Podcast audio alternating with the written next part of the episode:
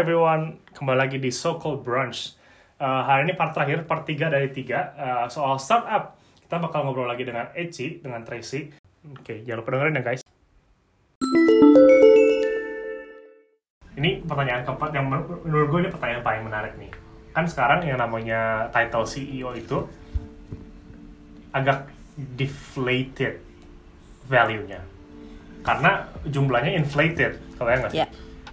Nah, menurut gua sekarang kebanyakan orang pas apa bikin startup itu masukin nama CEO menurut gua itu eh, CEO really? Really sure?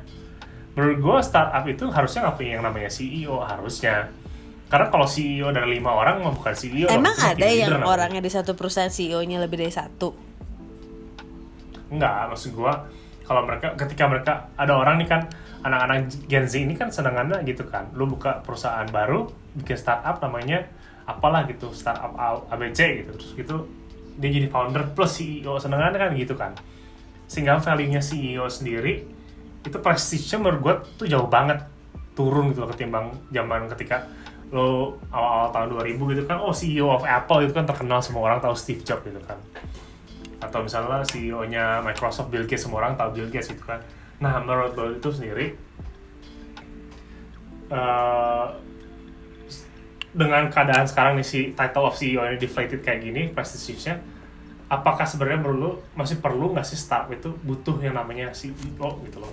Kalau menurut gua sendiri sih title CEO itu sekarang udah nggak ada prestisius sama sekali karena semua orang pakai gitu loh. Semua orang juga CEO kalau punya startup bener nggak sih Kalau gue Bro? pribadi sih, gue selalu merasa sebenarnya gue agak kagok dengan title CEO dan founder buat gue pribadi ya, King sebenarnya.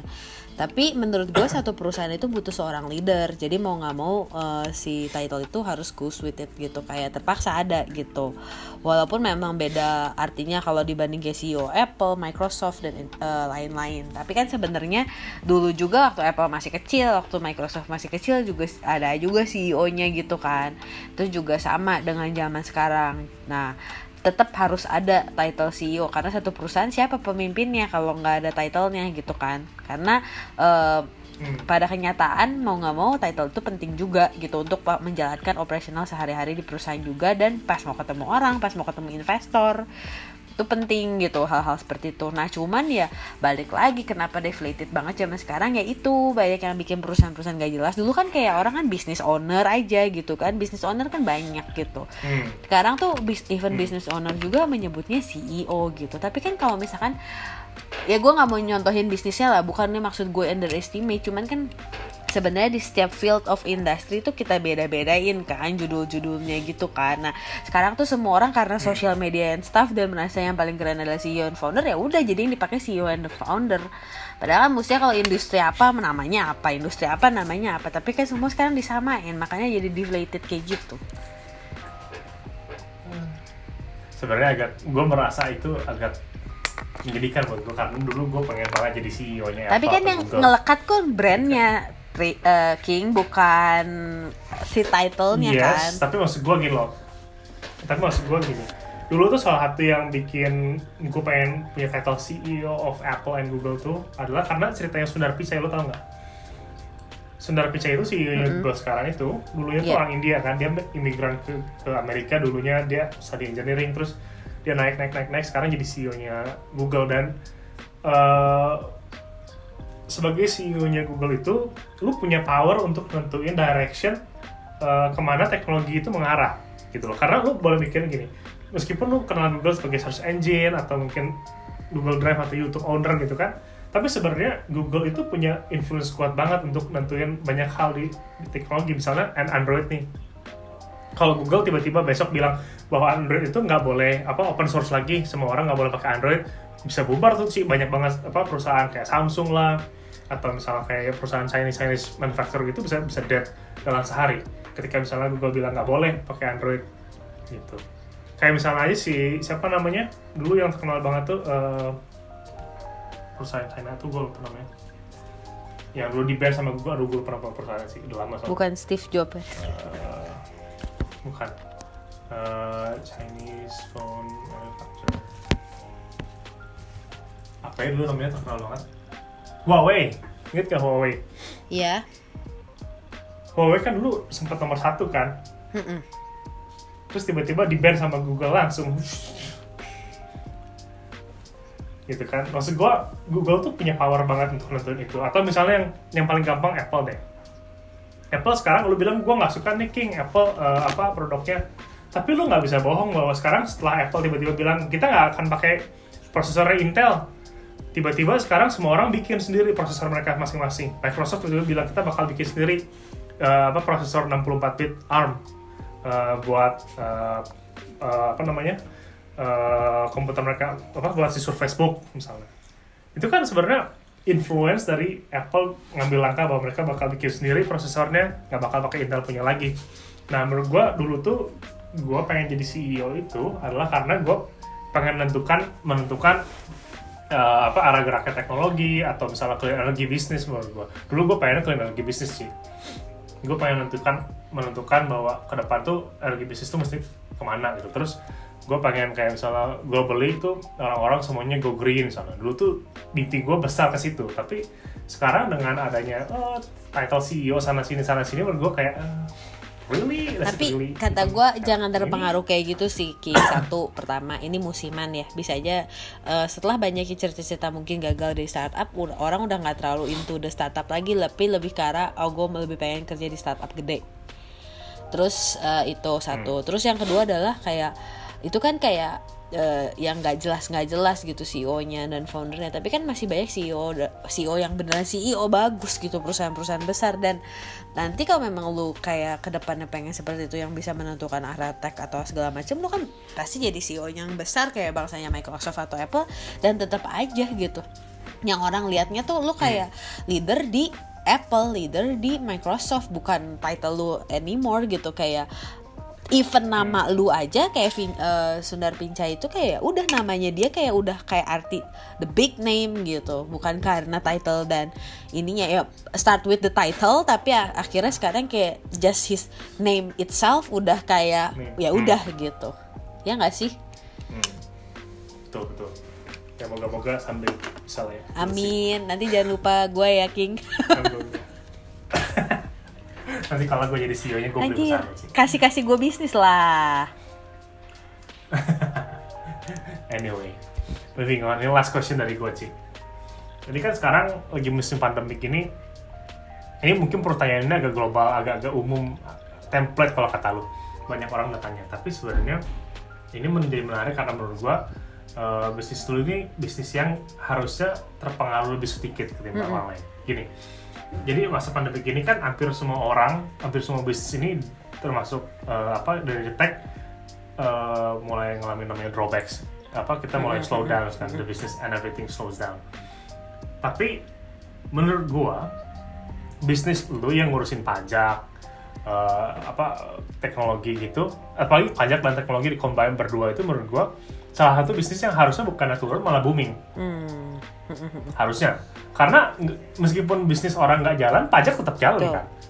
Bener nggak? Orang nggak mungkin tiba-tiba bisnisnya mati dia nggak bayar pajak kan? Nggak mungkin.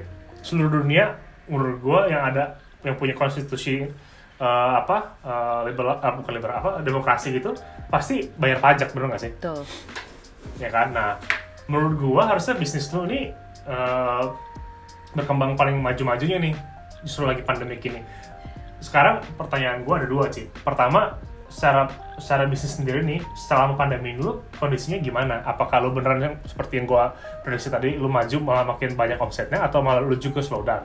Kedua eh, lu pernah cerita sama gua bahwa dulu tuh ketika sebelum pandemi lu bisa bisnis ketemu orang apa, ketemu sama klien lu bisa tatap muka langsung tuh lu bisa baca body language lah lu bisa eh, apa identify communication lebih baik sekarang kan semuanya harus lewat zoom semuanya harus lewat Online. apa?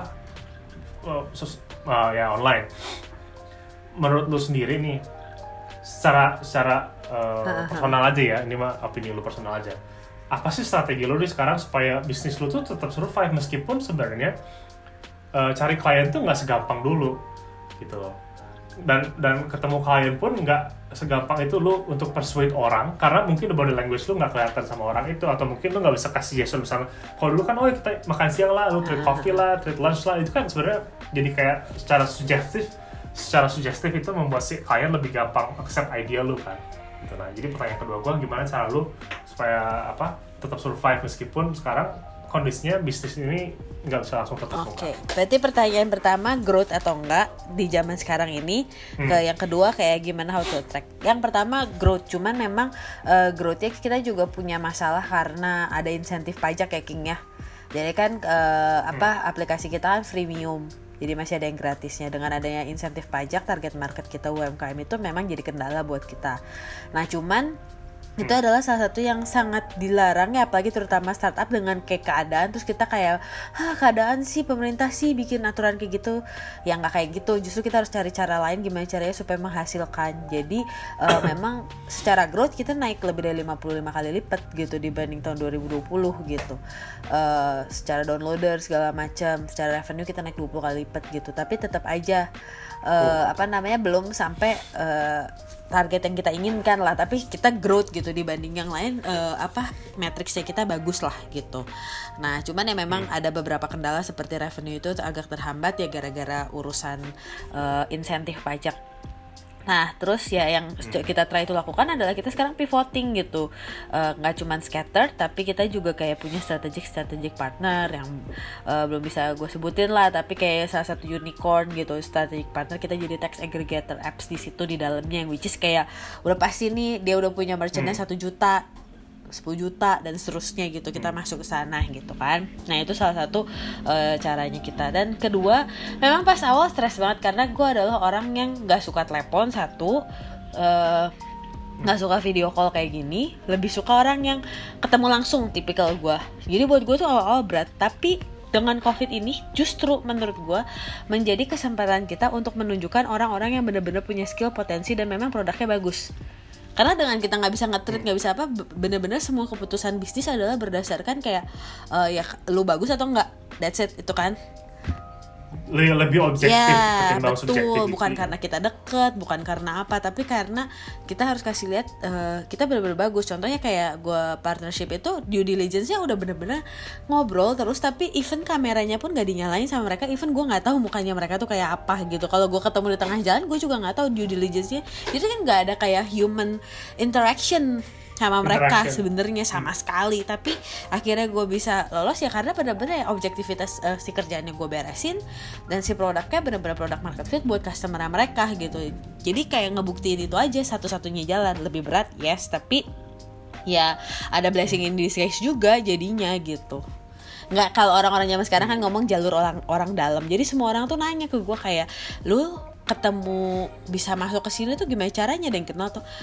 Abs- justru nggak ada sama sekali nih bener-bener kayak lewat bawah aja nyari-nyari jalan terus bener-bener ikutan tesnya. Mereka dan akhirnya lulus dan prosesnya kayak enam bulan lebih gitu. Gitu. Oke.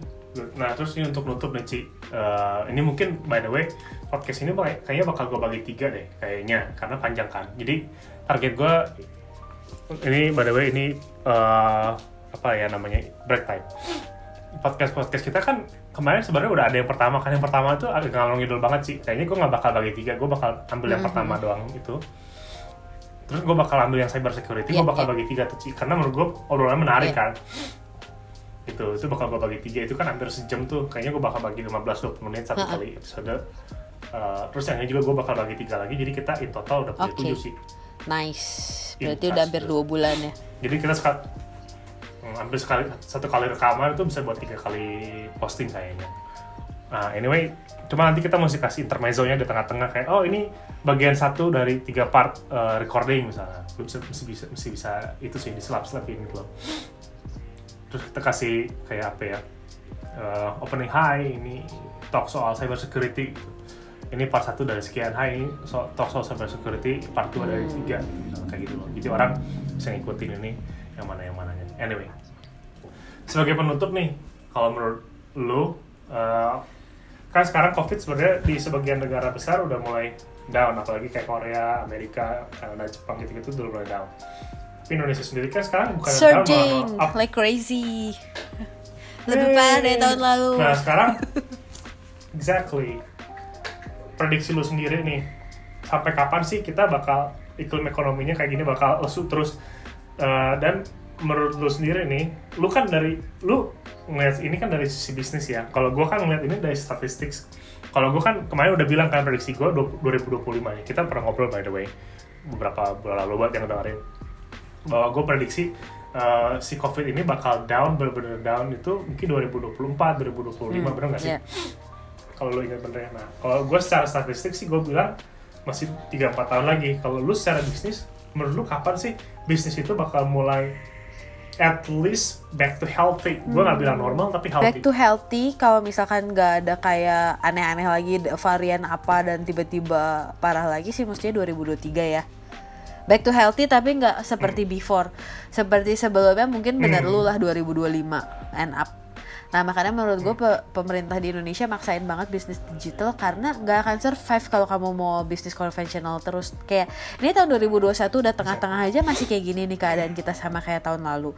Gua rasa tahun 2022 juga masih 11-12 lah kayak gini. Jadi kayak pasti kita eh, udah berubah nih semuanya eh, ininya. Jadi kalau misalkan mulai balik lagi tapi juga banyak banget perubahan-perubahan yang mulai di tahun 2023 sih menurut gua gitu Hmm. kecuali eh, kalau nggak ada variabel-variabel lain yang nggak kita duga. Kalau masih kayak gini nih dengan tingkat kenaikan vaksinnya kayak gini 2023 akhir lah tengah sampai akhir gitu.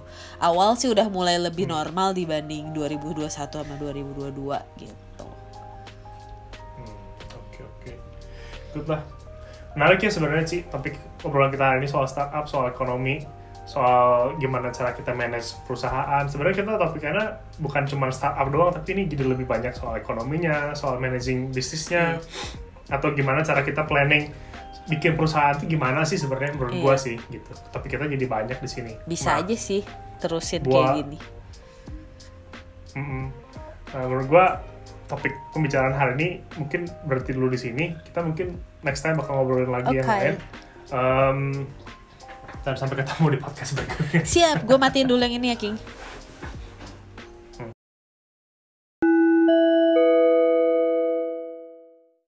Yeay, akhirnya tentang startup di Soul Cold Branch sudah selesai nih part 3 dari 3. Semoga pembahasan tentang startup dari saya ini berguna ya guys karena eh, jangan cuman kalian jadi FOMO doang buat startup tapi karena memang benar-benar startup yang kalian buat itu memang yang diperlukan oleh dunia ini. Sampai ketemu lagi di topik selanjutnya ya guys.